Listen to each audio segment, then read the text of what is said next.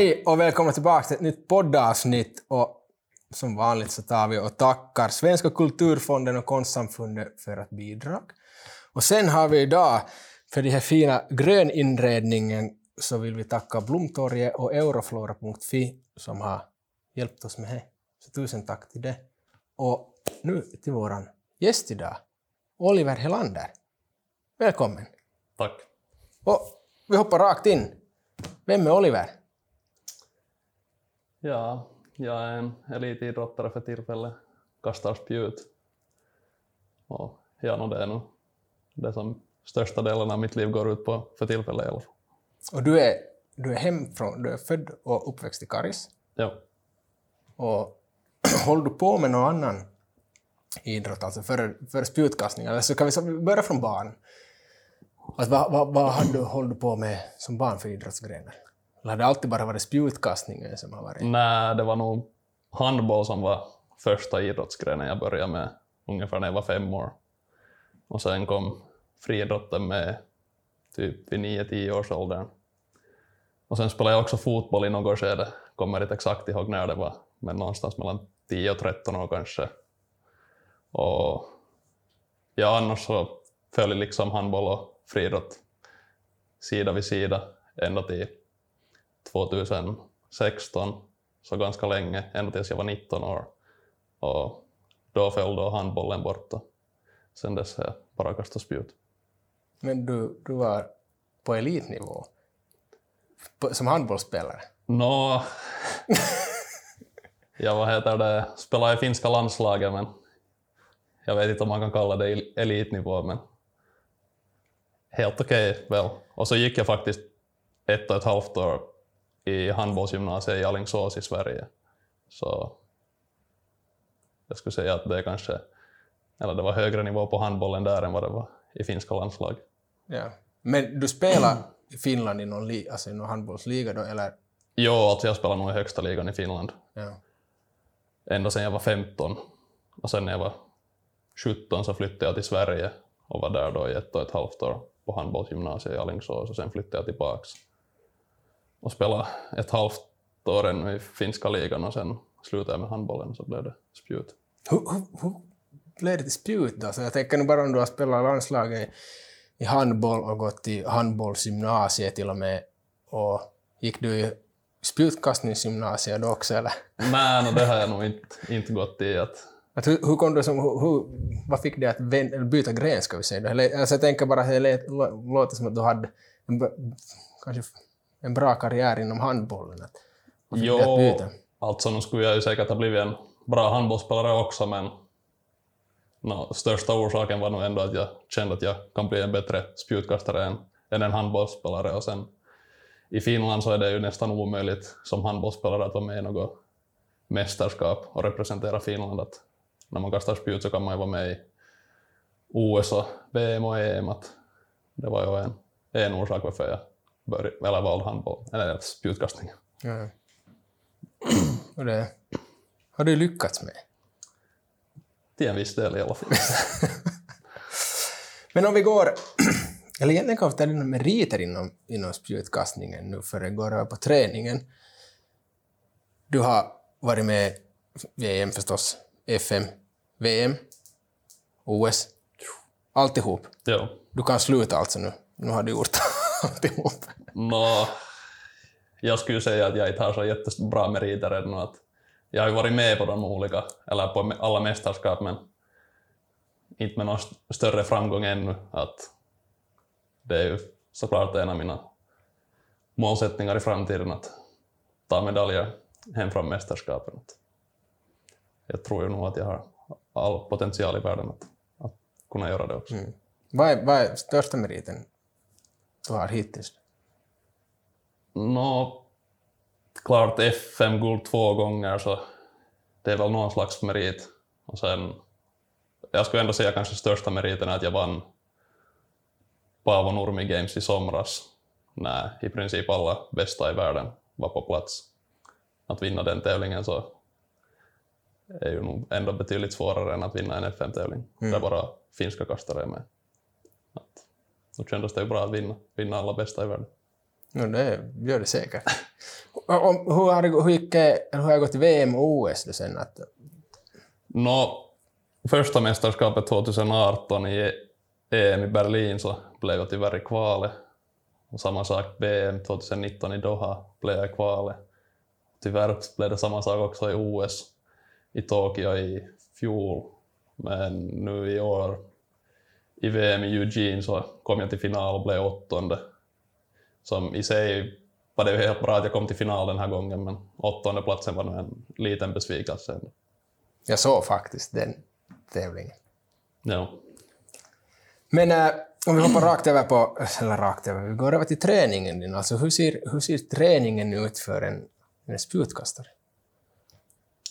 Nå, no, det är förstås lite olika beroende på i vilken del av, i vilken del av tränings, ja, året.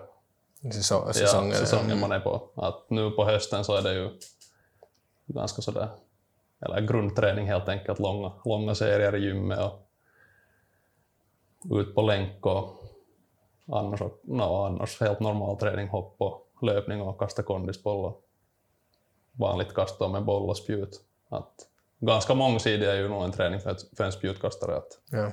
att det handlar inte bara om att kasta spjut och vara i gymmet lite.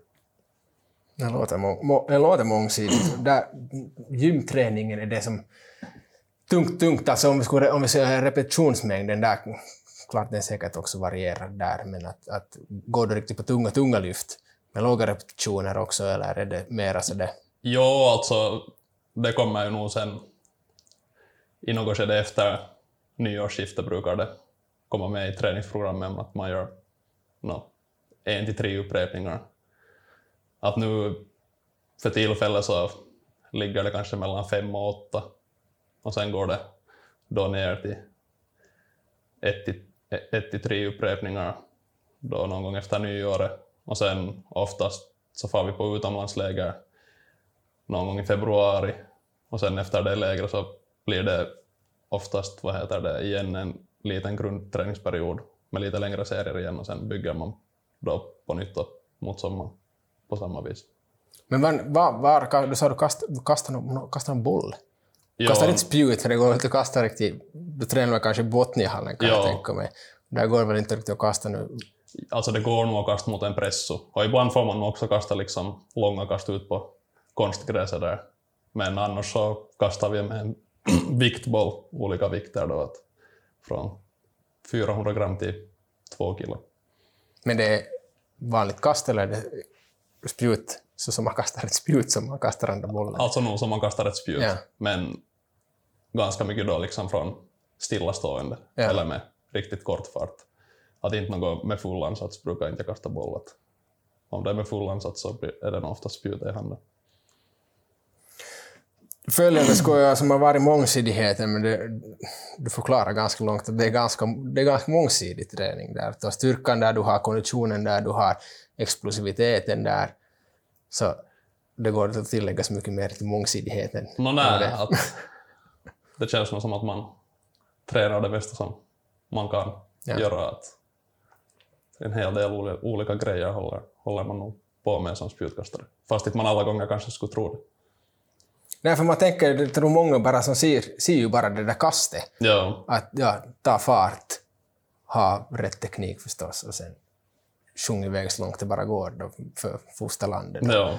Men att det finns nog, det är mycket arbete bakom det. Och det är mycket ja, det är det nog verkligen. Men tränare, coacher, vad, hur mycket människor har du som involverade i din, din träning och ska vi kalla det vardag? No, för tillfället så är min tränare då Tero Pitkämäki. Han sköter nu träningsupplägget, ger mig träningsprogram och så följer jag dem. Sen har jag fy fysioterapeuter som jag brukar gå till, massörer förstås. Och, och det är nog kanske den viktigaste delen för mig, att, att just med tanke på återhämtning och sånt att gå på massage då när det behövs och om man har några små skavanker eller skador så är det bra med fysioterapeuter och, och läkare som också ingår i min, ja vad ska man säga, grupp. Är det någonting som alltså som är det någon som, som får gratis, eller jag skulle säga, är det som någon sån sponsorgrej det här att de här personerna går in i något avtal så att du behöver bara ta kontakt och så bokar de in det och sen så... No, alltså i princip går det ju nog så att om jag skickar ett textmeddelande att nu ska jag behöva en tid till fysioterapeut eller fara på magnetröntgen eller bara fara till läkaren på något vanligt besök så nu slipper jag ju liksom nästa dag. Att, Ja. att det funkar ju nog bra som elitidrottare. Att, ja, att det skulle ju kunna vara så mycket bättre än det helt enkelt. Men du har inte någon mental coach eller någon näringsterapeut eller något sånt som... Nej, inte för tillfället i alla fall. Har du haft? En mental coach hade jag ungefär ett halvår prova på att se hur det kändes, men jag vet inte, jag känner inte kanske att jag är sådär jättestort behov av att ha det. Jag skulle inte säga att det gav sådär jättemycket åt mig. Ja. Det känns som att mentala sidan är på tillräckligt bra nivå för att, för att kunna idrotta på en hög nivå. Och det, den känslan fick jag när du pratade här före när vi pratade om kommentarer i, om något tidningsartiklar och sånt, att det var sådana, behöver man lägga fokus på det utan att Nej, du får det, skriva vad de vill. Och, det är nog kanske lite onödigt att lägga fokus på, på sådana saker. Att det är ju en del som kommer med av att vara elitidrottare och speciellt att kasta spjut i Finland som är väldigt populärt och har gett mycket framgångar genom tiderna så finns det nog väldigt mycket människor på internet som tycker att de kan en massa saker om spjutkastning och slänger ut en massa, inte alltid så positiva kommentarer på olika kommentarsfält. Och ibland kan ju också artiklarna vara lite negativa om vi säger det sådär snällt. ja. för det jag, fick det, jag fick bara den där känslan, och det var första som jag tänkt, eller som jag tänkte, okej, här är en, en kille som har det mentala, har, har kontroll över det mentala. Att, att veta att okay, det här någon, hit ska inte vi lägga energin, utan jag kan lägga energin på någonting bättre som ger dig, då ska vi se framgång. Ja, no. så skulle jag också själv beskriva mig, att, att jag borde ha det på hyfsat bra koll i alla fall. Du gjorde det ganska bra om du fick mig övertyga på tio sekunder i diskussionen. Ja, får klappa mig själv på axeln. Ja. Men om vi går över på kosten då. Om du har en näringsterapeut, är du lika självsäker där som med mentala träningen, så är det med kosten också, eller? Hur mycket fokus lägger du på kosten? No, alltså, som kastare är det ju kanske så jättenoga exakt vad du äter. Bara du nu äter hyfsat normal mat. Att viktigaste delen för mig är ju kanske att få tillräckligt mycket mat och tillräckligt snabbt efter olika träningar. Att inte man får och träna och sen kommer man hem och sen går det tre timmar före man äter mat. Att försöker alltid äta så snabbt som möjligt efter alla träningar. Att det är kanske det viktigaste för mig. Och sen, jag är ju alltid kanske sådär, eller jag är en ganska lat person så att matlagning så är, hör inte kanske till favoriterna men där så hjälper nog flickvännen Vilma till ganska mycket och det är jag väldigt tacksam för. Ja, no, det, det, ibland så behövs det vara någon som hjälper en lite där. Det är nog så. Eh, finns det någon, finns det någon nytta, alltså nu tänker jag som viktmässigt, finns det någon nytta i alltså att eh, för att om du är som spjutkastare, om du är 100 kilo eller 80 kilo, har du någon nytta av den extra vikten i dina kast? Alltså jag tänker, vissa grenar har ju att de- vill ha upp Ja. vikten för att du ska få mer som kraft ur det.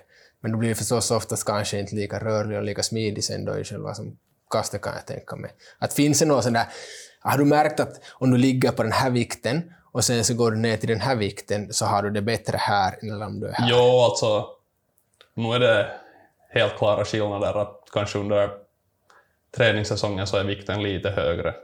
Att för mig så då kan det vara lite över 100 kilo. Att sen under tävlingssäsongen så brukar det ungefär, ungefär vara 97 och 98. Och då, just med tanke på löpning och allt sånt, så blir det ju, det är ju ganska klart att det blir lättare att, att löpa och sånt när man är lite lättare och det hjälper ju förstås sen i själva kastet också. För där behöver man komma med ganska hård fart när man ska kasta iväg det där spjutet. Så att om man skulle behöva kasta, eller om jag skulle behöva kasta spjut när jag väger över 100 kilo så kan det vara att resultaten nog skulle vara lite sämre än vad de har varit nu. Har du testat? Och du kastar på, på alltså, ska säga off-season, och vad du, Jo, du alltså, vet vad du kastar sen då när du är kastar man ju förstås på träningssäsongen också, speciellt när man är på utomlandsläger. Så nu, nu märker man ju ganska stor skillnad också, tycker jag, om vikten just det, ska man säga, 3-4 kilo åt något håll, så det påverkar nog överraskande mycket. Är det metrar som det handlar om riktigt? Jo, alltså det, är det nog. Intressant att höra att bara några kilon kan göra en så stor Jo, alltså som skillnad. själva utförandet blir nog på något vis bara betydligt lättare av att Ja. vara lite lättare i kroppen och ha bättre kontroll på sin egen kropp. Så då blir det deffa någon lite före tävlingarna. ja. Men hur är det med något kost när du pratar där om att, att det kan vara viktigt för att få in så snabbt som möjligt efter ett träningspass? Använder du några kosttillskott? Där? Jo, no, för tillfället använder jag nog inte något jättemycket, men några vitaminer och zink och magnesium och sen i vissa, no, till exempel nu kreatin, att det är nu ett kosttillskott som ger väldigt, ja, det hjälper väldigt mycket vid, vid styrketräning och så, att, att det har man nog stor nytta av. Det är ju klart att om man använder kreatin så går ju eller så blir man lite tyngre, men man äter inte det hela, eller runt hela året, så man kan nog ja, hålla vikten på en. Proteinpulver och något. Sånt äter inte jag faktiskt. Jag har nog ätit i något skede, men det känns som att jag fick Tar inte... du kreatin i, i pillerform? då? Nej, Du dricker det? ja. Uh. Ju ett pulver, Ja. så jag tar det på en tesked och kastar i munnen och så Du är riktigt... sväljer jag ner det. Um, det var något som jag skulle ställa angående det där. Ja, hur är det som med kosttillskott och sånt? Alltså, du dopingtestas ju säkert. Ja. Hur försiktig måste du vara med kosttillskott när det kommer till att det blir... Men du kan bli dopingtestad, visst så, du kan bli dopingtestad när som helst Jo, under året. Jo, alltså de kan nog komma ännu ikväll också. Ja. det är nog helt möjligt att... Men ska vi nu säga att om man äter normala kosttillskott från Finland så borde det inte vara så där jättestor chans att man skulle åka fast, men just om man är på något utomlandsläger så ska man nog verkligen inte köpa något kosttillskott från utlandet. Att om man stoppar i sig något sånt så kan det nog snabbt hända att man åker fast i något test, att det skulle vara lite halvonödigt. Och då är det väl... Man blir väl bannad för en viss tid då, eller hur? Ja, att beroende på hur allvarligt det är så från någon vecka till flera år så. Men I vilket fall som helst så är det jätteonödigt att ha det på sitt eget namn att man har blivit fast för dopning. Sponsorer och sånt så tycker inte direkt om det. Där kom du perfekt in på sponsorer. Vad finns det för sponsorer inom... Eller, är det, livnar du dig på, på sponsorer? Jo, alltså inte gör jag något annat för tillfället och nu skulle jag säga att jag har ett helt bra liv. Vem sponsrar dig? Nå för tillfället har jag nå i princip tre sponsorer. Att det är då via min manager som han har då skaffat de här sponsorerna åt mig. Ja. Det är, det är många, alltså många grenar så hör man om, om folk som har, att det är många som, som, eller folk anlitar sådana för att få Jo, sponsorerna. Och sen finns det vissa som man hör som de ringer själv runt och, och frågar efter det. jo no, man kommer efter ett till... jobb för sig det är bara att försöka lyckas få någon där sen som... Ja, jag vet inte om jag själv skulle vilja göra det. Att det är väl sen när man kommer till en viss nivå så hör det väl någon till att, att man har en manager som sköter de grejerna också. Att det är ju nog en väldigt viktig del i idrottande att man, att man får några pengar för det och för det är ju ändå ditt jobb så du behöver ju få någon inkomst för att kunna, kunna göra det. Annars skulle det vara lite svårt. De där sponsorgrejerna då, är det så, är det konkreta pengar som, som du får eller är det något sånt här att du ska göra några vissa saker? Jag tänker nu sociala medier så många gånger så är det, att det är betalt samarbete med någon eller något liknande. Eller är det, är det salig blandning av både och? Nå, kanske lite både och, att nu är det liksom sådär konkret pengar som man får också. Men oftast så är det ju nog i kontraktet också att de vill att man, man gör något, att, att de får lite synlighet, just lägga ut några grejer på Instagram eller några andra sociala medier och, eller gå på något deras grejer som de har under året och visa att här är vi. Att de idrottarna som de sponsrar då. Att, men inte är det något sådär jättesvåra saker att göra. Att om de betalar den summan som de ska och man gör, så kan man nog göra lite för, för de pengarna också. Mm. Det är en sak som vi hoppar över här nu, men du tog ju så bra sponsorerna det där nu. Men kanske en av de viktigaste sakerna när det kommer till idrott, återhämtningen. Ja. No, sovande är ju förstås väldigt viktigt nu att, att jag försöker nog sova minst åtta timmar varje natt. Att det har jag nog märkt att om inte jag, om inte jag sover åtta timmar så då lider jag nog tränande följande dag. Att, att det är nog väldigt, väldigt viktigt att, att det är ju nästan lika viktigt som tränande att om inte, du, om inte du sover ordentligt och återhämtar dig så får inte du någon liksom, eller, ja, då blir det ju helt enkelt bättre. Det är ju helt onödigt att du far och tränar om inte, om inte kroppen, kroppen återhämtar sig. Nej. Där tog du förstås upp, upp redan också, som massage och, och sånt för återhämtning. Ja, ja no, det är ju såklart att det hör ju till den kategorin det också. Att, att massage så försöker jag nog åtminstone en gång i veckan vara på att försöka hålla kroppen i så bra skick som möjligt. Och då om man inte sköter återhämtningen och inte träningen och ingenting, så då kommer skador. Ja, de kommer ändå... Hur mycket skador har du drabbats av? för mycket. För mycket? Ja, nå, ska vi nu säga att det började 2018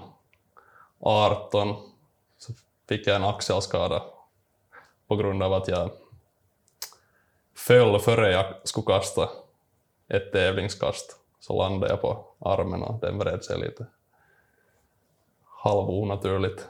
Så den axelskadan så är liksom ännu, ännu kvar idag också. Att den, ibland är den mera sjuk och ibland är den mindre sjuk. Att det är nog kanske det som... Om jag skulle ta något tillbaks eller ändra på något i min karriär så skulle det nog vara det fallet. Att, att det har nog påverkat mitt kastande väldigt mycket. Och sen har jag nog haft lite problem med akillessenor och ljumskar och nu senast i somras ryggen. Att nu har det kommit lite allt möjligt. Tyvärr. Kan du, se, äh, kan du, kan du som sätta fingret på om det finns några specifika saker som har, som har åstadkommit det här? Så jag tänker nu, finns det något som kan finnas något samband mellan, mellan handbollen och de här skadorna som du får nu? Eller något annat som du har gjort, som, något onödiga saker i träningen tidigare, att maxa i någonting i onödan till exempel? Alltså nu kan det ju bra vara att det är på grund av något sånt som något skador har kommit. Att, att den där axelskadan så det var ju helt på grund av det där fallet då bara. Ja. Men sen just nå, då när akillessenan börjar, börjar jäklas så nå, det är nog svårt att säga att om man skulle kunna gjort något annat i träningen eller, eller så. Och samma sak med ryggen som krampa i Kalevan kisat i somras. Så möjligtvis skulle man ha kunnat gjort något annat på träningen och så, men det är svårt att säga att det kanske ändå skulle ha krampat. Ja. Och så är det ju enkelt i sånt fall att vara efterklok och säga Ja. men det skulle jag ju inte ha gjort. Nej, men hur skulle man veta det där för, Exakt. före? Att inte har jag på det viset haft något, eller kroppen har nog inte förvarnat på något vis att, att nu kommer det att ta sjukt här, att det har nog bara sen mitt i allt så har det blivit sjukt och kommit någon skada. Ja. Axeln, är det någonting...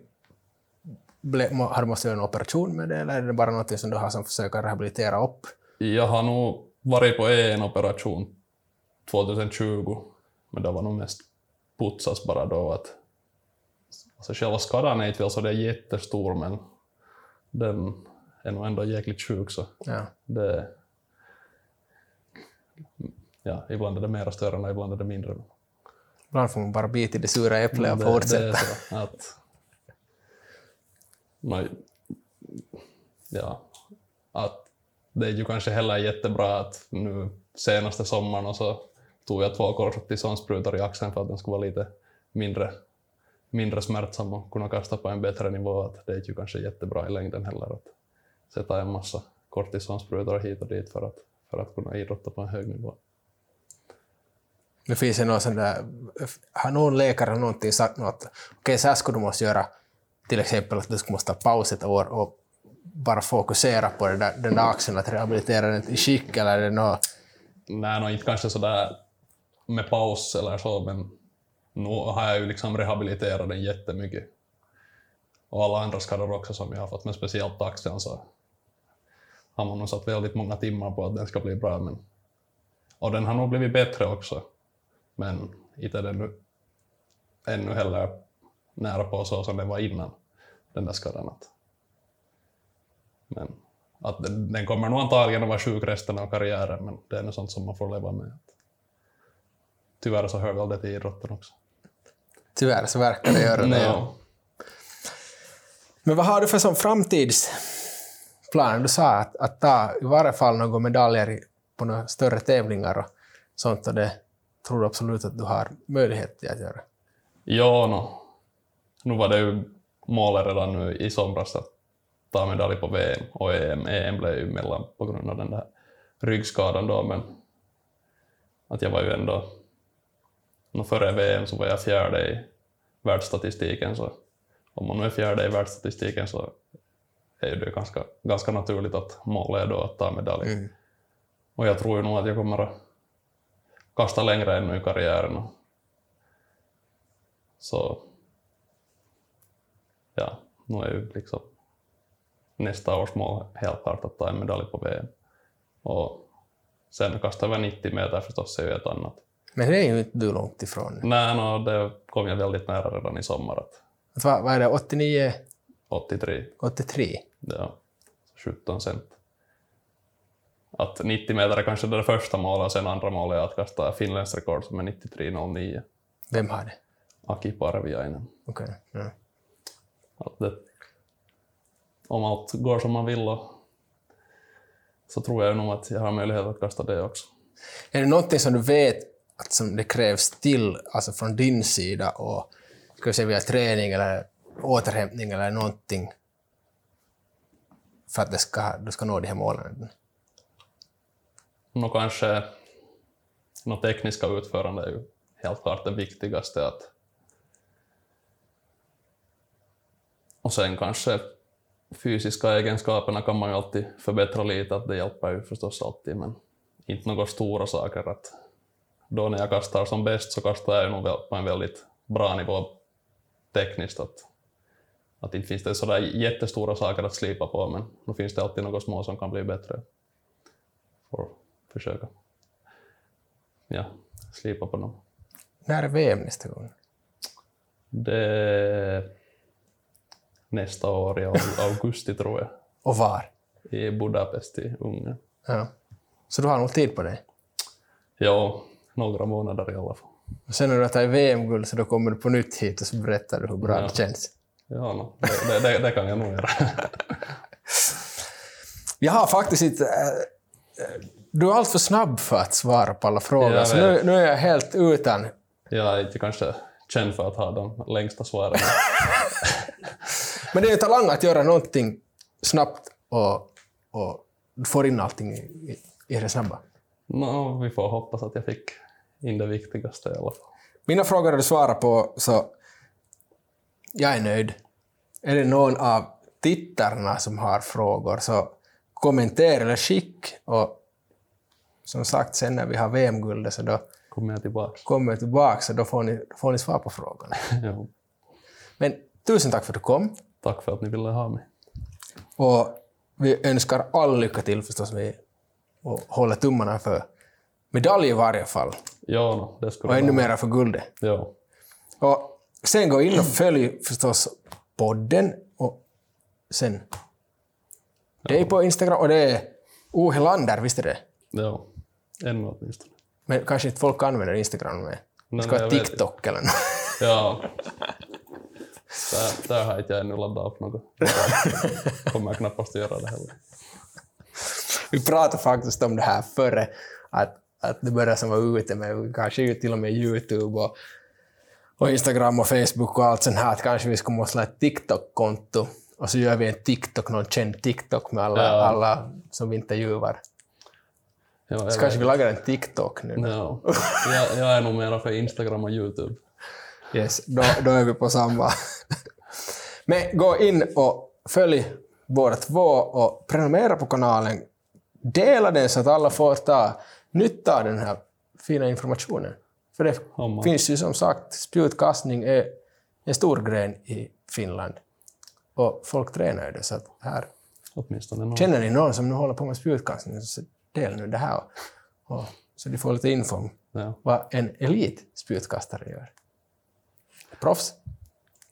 No, Va, va, vad skulle du säga för, vad skulle det för? no, nu, nu är jag väl proffs i det här sam sammanhanget. det, är, det är ju ändå mitt jobb att inte hålla Ja. på med något annat. Så. Nu får jag väl ge mig. Yrkesidrottare, låter det bättre? No, det låter mera. Kanske det låter bättre. Men som sagt, tusen tack för att du Ja, kom. Tack. Tusen tack till Svenska kulturfondens och konstsamfundet och sen till Blomtorget och eh, Euroflora för de här fina grönväxterna. Vi syns i nästa avsnitt. Ha det så bra och sköt om er.